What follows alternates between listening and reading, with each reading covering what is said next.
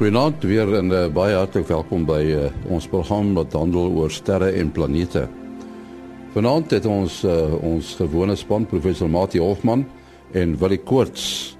Ons het ook vir Kobus Olkers wat gaan gesels oor die son se weer.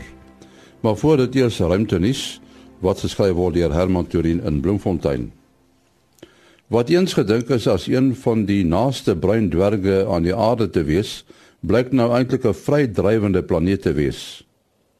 Wetenskaplikes van die Carnegie Instituut het pas Simpo 136 van bruin dwerg tot planeet herklassifiseer nadat vasgestel is dat sy massa net net binne die perke van 'n planeet val, oftewel 13 maal die massa van Jupiter.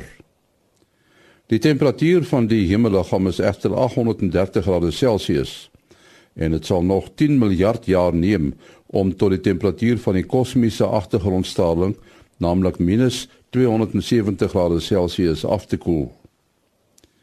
Die planeet se massa is bereken deur die grootte en die ouderdom van die liggaam te vergelyk. Om die ouderdom te bereken, is sy snelheid met die van nabygeleë hemelliggame waarvan die ouderdomme bepaal is, vergelyk. En dit het gebleik identies te wees met 'n groep bekend as Carina Neer. Carina Neer se ouderdom is 200 miljoen jaar. NASA se planne om mense na Mars te neem vorder goed.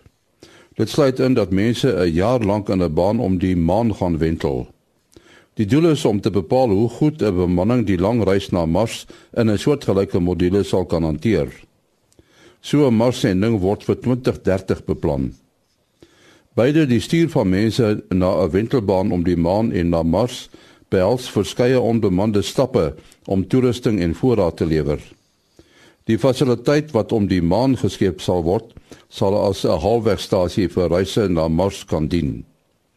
Tot sover dan ruimtenis wat uh, elke week vir ons geskryf word deur Herman Turin in Bloemfontein. En nou eers ruimte weer en dit is Kobus Olkers met inligting oor die weer op die son. Goeienaand Annie, goeienaand luisteraars. Ja, hier sit ons in 'n nuwe week. Ons het uh die verlede week so 'n bietjie geomagnetiese aktiwiteit gesien. Ek dink die stormvlakke tot by 'n G2 storm gekom. Dit was natuurlik van hierdie klein uh korona gat wat ons uh verlede week voorspel het wat geo-effektief gaan raak. Hy is nou uh, af van die oppervlak van die son af, uh, natuurlik die kant wat ons kan sien. Maar hy het 'n broertjie of twee wat ook vir ons later in die week weer 'n bietjie uh ligte geomagnetiese aktiwiteit kan gee.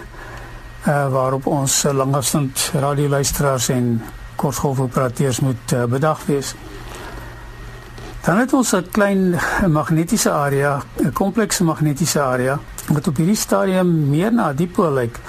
Ek dink ons moet maar 'n bietjie bedag wees op hom want dit ek het ek het net so vermoed hy kan dalk meer kompleks raak uh deur die week en hy behoort so teen Dinsdag geo-effektief te wees soos hy enigiets tussen Dinsdag en en en Vrydag se koers 'n koronamassa uitbarsting veroorsaak gaan ons definitief daarvan weet. So wees maar bedag daarop. Dan net agter hom wat nou nog besig is, hy sal so teen laat donderdag uh, geo-effektief wees. Dis 'n vreeslike vreemde komplekse area. Uh, ek sien 'n hele klomp noordpole so aan die een kant en 'n klomp suidpole aan die ander kant en hulle sit so die wêreld vol op die son. As die lot gaan organiseer dan kan ons ook 'n 'n groot koronamassa uitbarsting kry so as dit sou skeefloop hierdie week, uh, die groen dis die virusse of die warms nie, ek dink dit is dit sal wel op die son wees. Dit was aan uh, Kobus Olkers daar in Florida, Amerika. Ons uh, gewone span is by ons. Dit is uh Willie Koorts van die SAAO en professor Mati Hofman van die Universiteit van die Vrystaat, die Buitensterrewag en die Digitale Planetarium. Groot dinge daar by julle nê, uh Willie, die die Lesedi projek, vertel vir ons daarvan, waaroor gaan dit? Ja, ons het uh so al amper 2 jaar wat ons aan 'n nuwe teleskoop uh gebou het. Um ons ou 30 duim teleskoop was toe nou toegemaak gewees uh, uh hierso in 2015 en ehm um, toe het hulle nou gekyk na 'n nuwe generasie 1 meter tipe teleskoop. Wat ook interessant is, 30 duim in die ou taal is omtrent so 3 kwart meter en ehm um, en dit is ongelooflik deesdae se teleskope is net soveel meer kompak. Hulle het ander tipe monterings wat nie so baie spasie neem nie, so hulle moes kon eintlik redelik van die koepel die observing floor wat ons sê die vloer waar die teleskoop staan moes hulle selfs gelig het om die teleskoop nader aan die koepel te kry omdat die goeders is baie meer kompak deesdae.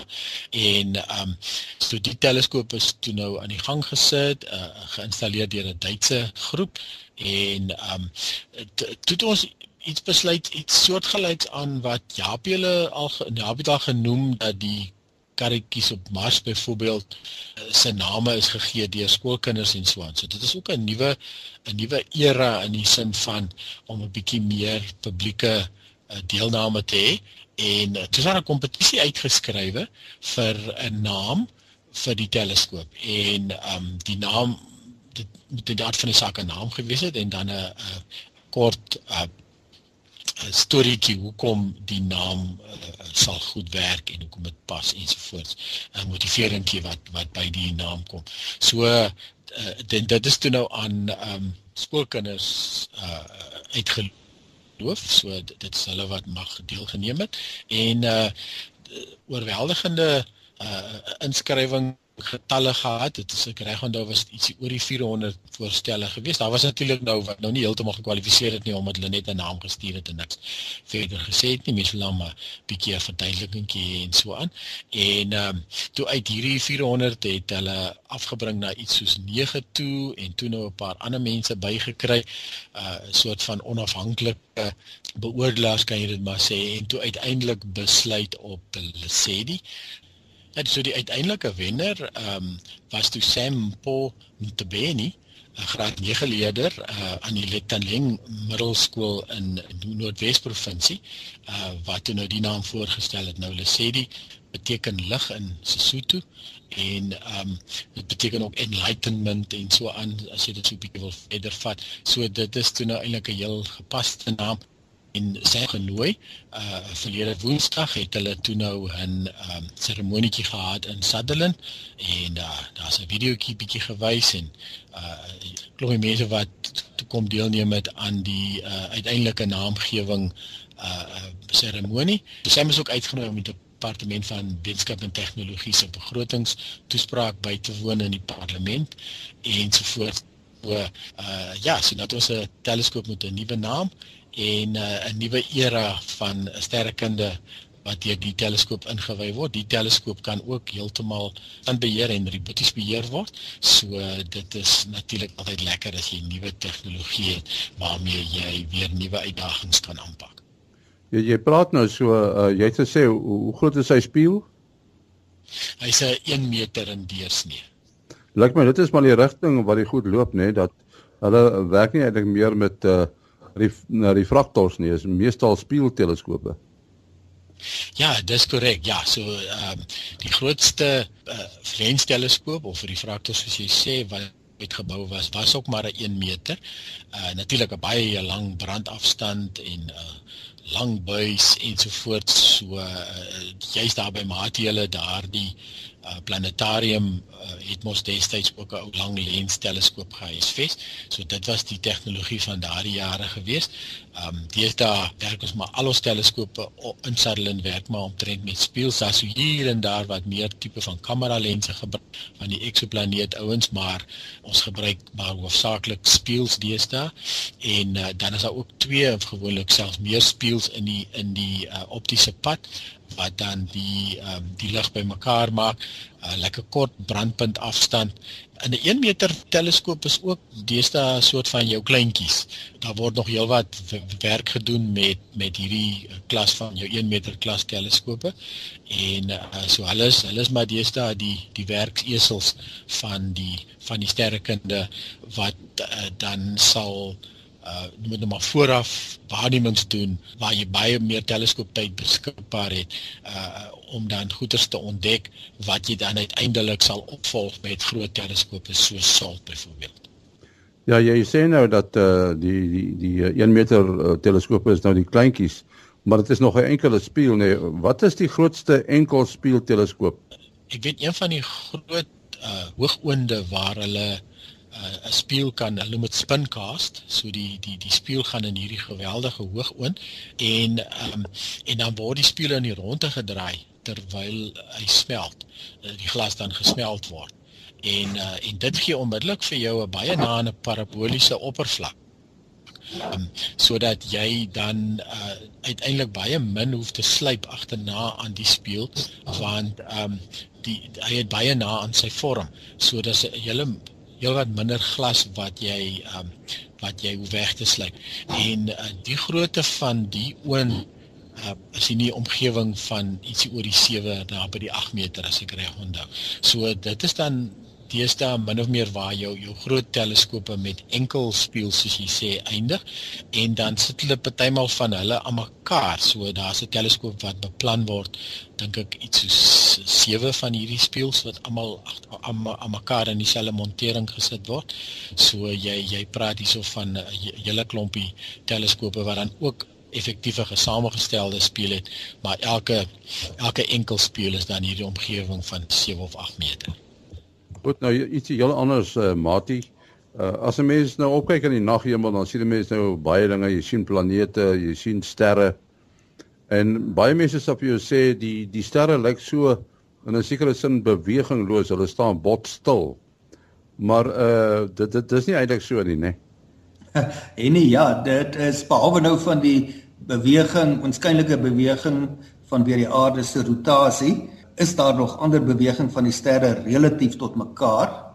Uh, maar om daai beweging waar te neem, moet mense op 'n tydskaal dink buite ver buite die lewensverwagting van uh, van die mens. Uh as jy met jou blote oog die beweging van sterre wil relatief tot mekaar waarneem, het jy wel heelwat eeue nodig, miskien nader aan 2000 jaar. Nou as ek nou net 'n voorbeeld hierso volg, uh vat dan kan uh, die gemiddelde ster in die omgewing van ja, kom ons vat nou die die die die grootste beweging toon is Barnard se ster en oor 'n tydperk van 2000 jaar. Dis nou hoe ver ons histories met gemak terugdink net, het hy 'n afstand van 5,5 grade in die nag hemel relatief tot die ander sterre afgelê en uh oh, dit is omtrent 10 maal verder as die deursnee van die volmaan. So dis nou nogal heel wat, maar dit was oor 'n tydperk van 2000 jaar. In 'n kwessie van 'n paar jaar sal jy dit nie eers waarneem nie. En dan moet jy in gedagte hou dat Barnard se ster se uh hoekbeweging uh relatief tot ons is 'n 100 maal vinniger as die van die uh gemiddelde uh gemiddelde ster. Nou is die vraag as die beweging van 'n ster so klein is, wanneer het hulle dit die eerste keer waargeneem? Nou wel, uh die historiese sterrekundiges is baie goed om rekords te hou van hoe die konstellasies lyk. En as jy nou 'n sterkaart sou vergelyk met 'n sterkaart van paar duisend jaar gelede, en jy dit baie akkuraat geteken sou jy dalk iets kon optel. Uh maar die eerste werklike waarnemings van die beweging van sterre was eers moontlik in die tyd wat die teleskoop begin gebruik uh gebruik is. Want eers toe kon hulle daaroor droom om die posisie van sterre uh relatief akkuraat te kan bepaal. Nou, ons kan so vir 'n oomblik kyk wat was die beste wat hulle kon doen voor die teleskoop uh gebruik is in die sterrekunde en dit was natuurlik in 169 deur niemand anderste as Galileo Galilei nie 'n voorganger van Galileo die laaste groot visuele sterrekundige wat sonder 'n teleskoop gewerk het was Tycho Brahe en hy het die ongelooflike reg gekry om 5 maal akkurater posisies van die sterre te kon bepaal as enige uh, tydgenoot en hy kon metings doen in die omgewing van 30 hoeksekondes. Nou dis nou 'n tegniese term dat ons nou vir 'n oomblik verduidelik wat uh hoe groot lyk 'n hoeksekonde. Dis omtrent hoe groot 'n mensehaar, daai breedte van 'n mensehaar op 'n afstand van 10 meter lyk. Daai hoekie wat dit onderspan is 1 hoeksekonde. Nou so hy 30 hoeksekondes, dis maar 'n halwe hoekminuut. Die fynste detail wat 'n mens se oog kan raak sien, die gemiddelde oog is omtrent 100 hoeksekondes. So hy het omtrent 3-4 maal akkurater die posisie van sterre kon bepaal as die uh, gemiddelde sig van 'n mens. So dan is dit nie net van uh, sien nie, jy moet dit hy moes dit gaan meet en die koördinate kan gaan neerskrywe. En die enigste manier hoe hy dit kan doen was dan nou met uh instrumente waarmee hy kon korrel na uh die sterre op bepaalde tydstippe en tyd die akkuraatheid van tyd is dan ook uh, baie belangrik. Ehm uh, maar dan om die akkuraatheid te kon verhoog teenoor wat ander tydgenote dit kon doen, moet jy natuurlik met gemiddeldes werk. As jy 'n groot klomp metings tot 'n redelike akkuraatheid kan doen, dan sal die gemiddeld uh van daardie meting sal vir jou 'n baie hoër uh akkuraatheid uh kan gee. Om op te som, histories om enigstens die idee te kom kry dat sterre wel beweeg moes jy baie baie akkuraat meet. En Tycho Brahe was wel sy metings was nog nie akkuraat genoeg om te kon sê die posisies verander nie. Maar nou met die teleskoop is dit natuurlik 'n uh, ander storie. Kom ons begin byvoorbeeld by die akkurate hoekbepalings wat in die onlangse tyd uh met die Hipparcos satelliet gedoen is.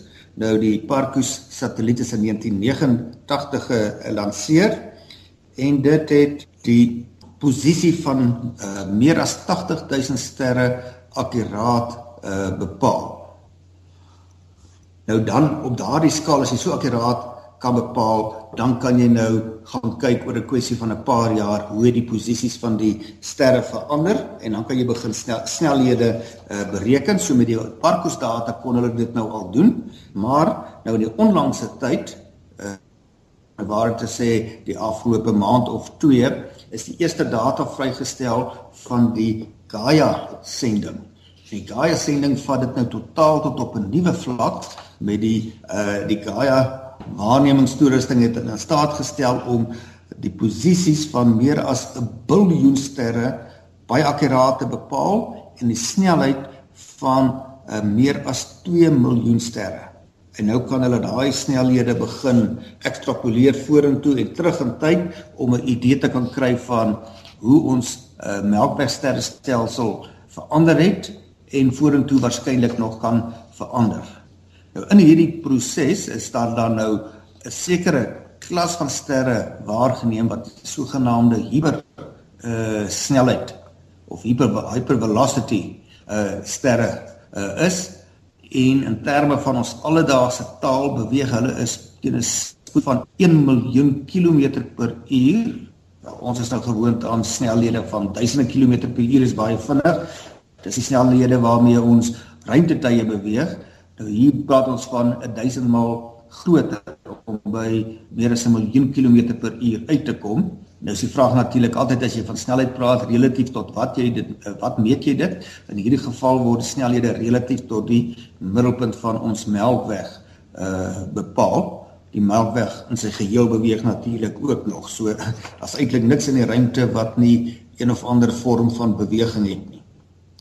Ja, jy jy praat nou so die die sterre in ons uh, Melkweg in ons galaksie die draai mos nou stadig om 'n uh, middelpunt en hulle dink seker dat in die middelpunt is daar 'n gravitasiekolk. Maar ehm um, die die sterre teenoor mekaar, beweeg hulle ook teenoor mekaar. Dis reg, ja. Ja, so as ons nou praat hier die syfers ek nou genoem het van jy het nou eeue nodig om dit waar te neem, dan gaan dit nou juis oor die sterre relatief tot met ander woorde as jy nou 'n prentjie van verteken hoe lyk dit nou hoe lyk 'n bepaalde konstellasie, dan sou jy so lank moet vat om te kan sien die vorm van daardie konstellasie het verander. Nou die voorbeeld wat ek genoem het van Barnard se ster dat oor 'n tydperk van 20 eeue het dit so 10 maal die wyte van die volmaan beweeg, maar dit is nie baie tipies nie vir die gemiddelde ster stel oor 'n tydperk van 20 eeue sal dit maar omtrent die wyte uh wel 'n tiende van die wyte van die volmaan beweeg. So dit is baie klein. Kom ons kyk nou na 'n uh, ander onderwerp. Uh, ons weet nou dat uh, SpaceX het uh, nog 'n tuig uh, gelanseer met 'n satelliet op die keer. Daar's nog nie mense op nie, nee, wel nie. SpaceX, ons weet dit is 'n Suid-Afrikaanse oor 'n uh, verbintenis met Elon Musk wat die Pretoria gebore is en daar dis ook gaan dit en uh, nou hierdie geweldige groot maatskappy uh en hulle het nou die Falcon 9 vuurpyl wat nou hulle werkesel begin raak en um uh, meer as 10 van die lanserings meer as 10 lanserings het hulle al uh, iets heeltemal revolusionêr gedoen deur die eerste stadium van die vuurpyl weer toe kom neersit terug op die aarde. En die tweede een uh, gaan hulle nou binnekort hergebruik. Hulle reeds een van hulle al klaar hergebruik. So dit spaar natuurlik baie baie kostes uiteindelik.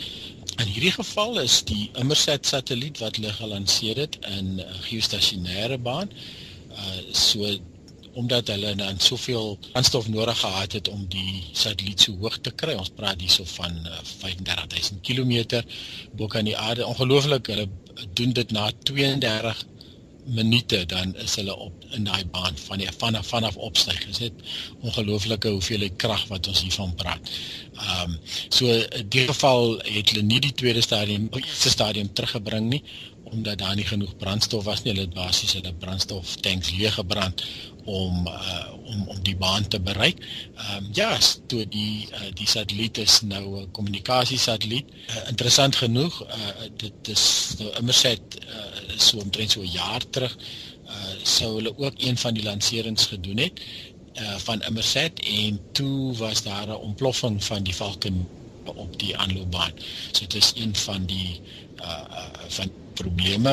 Dit is mos nou maar 'n 'n moeilike bedryf waarin hulle is en jy sal so nou en dan verwag dat jy gaan teespoed optel. Uh gelukkig dit was net met 'n toets, so die satelliet self is dit nou nie vernietig in die ontploffing nie en toe hulle netlik nou 'n kontrak verloor.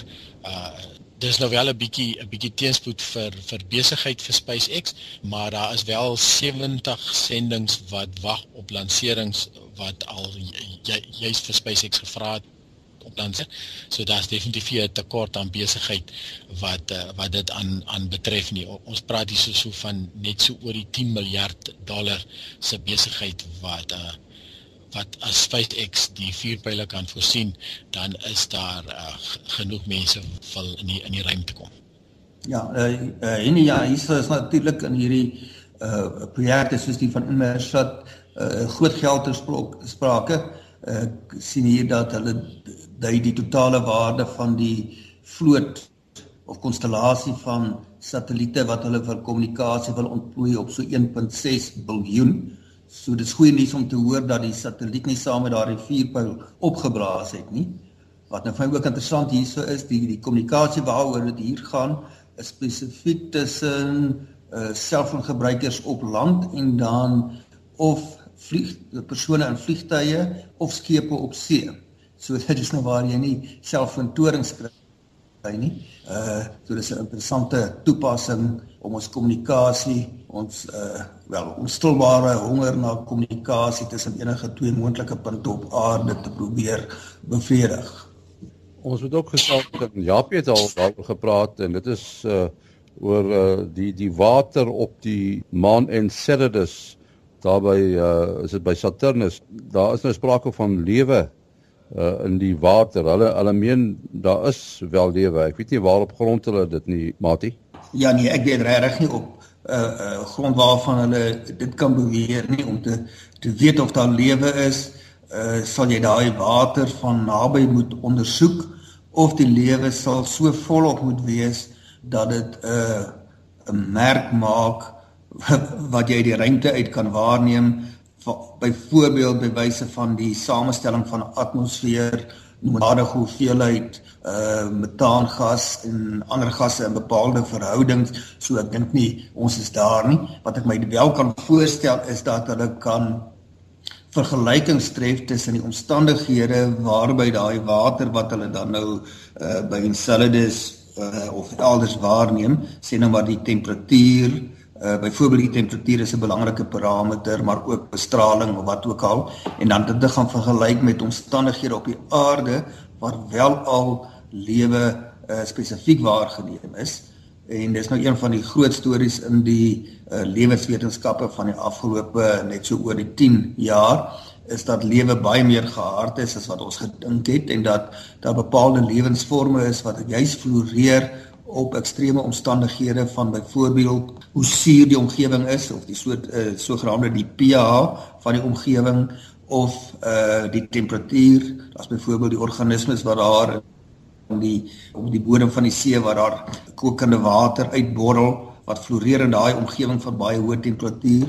Selfs sekere organismes wat floreer waar daar baie hoë uh radioaktiewe straling is.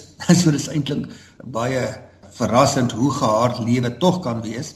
So uh, die beste raaiskoot wat ek kan maak is dat hulle sê daai omstandighede waar daar water is is nie meer ekstreem as wat ons op die aarde kry nie, maar dit op sigself bewys nog niks. Ja, ek dink hulle beplan ook om soos by Europa waar daar ook uh, water eintlik van die oppervlak uitspuit. Hulle wil ook deur uh, die spuite vlieg om dan die water te ontleed. Uh ja, dit is natuurlik 'n baie lae digtheid. Ehm uh, maar kan, as jy baie baie sensitiewe instrumente het, dan uh, kan jy dit seker aanpak. Uh as ons nou weer uh, vergelyk met die situasie op aarde, as jy nou gaan kyk in die atmosfeer op stofdeeltjies of waterdruppeltjies, dan sal jy wel bakterieë daarso vind. Uh so dis seker nie onmoontlik as daar nou 'n spuit is uh wat water die ruimte inspuit dat daar dalk bakterieë mee saamgeneem kan kan word nie uh hoe lank hulle dit sal kan oorleef uh, in daai omstandighede dit weet mense nou nie want die temperatuur raak nou weet in die diep ruimte is baie baie baie laag ons praat van minus 270 grade Celsius as jy enigstens ver van af 'n uh, 'n uh, voorwerp af is waar daar nie atmosfeer is wat termiese massa het nie en uh, ook ook nie 'n oppervlak is wat hitte vanaf die son kan absor absorbeer nie. Maar wel, ek dink in die volgende uh dekade of twee gaan ons nog baie van hierdie veld hoor. Ehm uh, dit gaan seker nou daar's 'n groot beweging gewees uh op sekere velde, maar die werklike vermoë om dan nou te gaan uh weet land op daai ver afgeleë voorwerpe of naby genoeg te kom, dit gaan nou nie so vinnig kom nie omdat dit so so duur is en ook soveel tyd vat om daar te kom.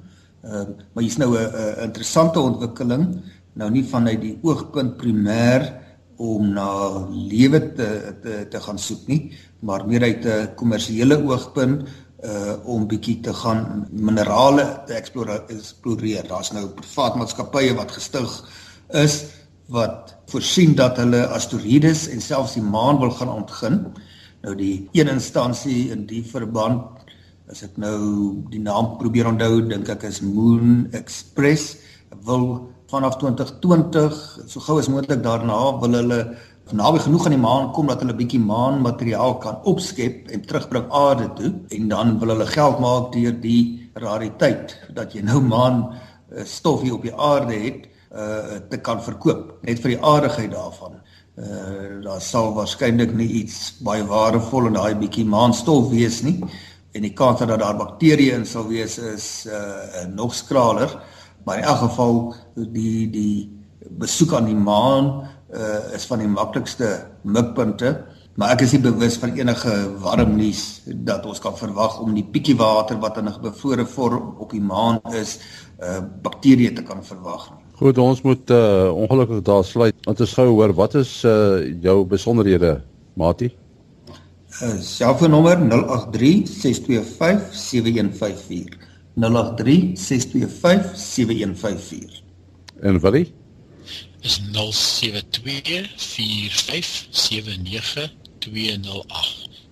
En my e-posadres is gewoonlik maas.henny@gmail.com. maas.henny@gmail.com. Tot volgende Sondag. Mooi loop.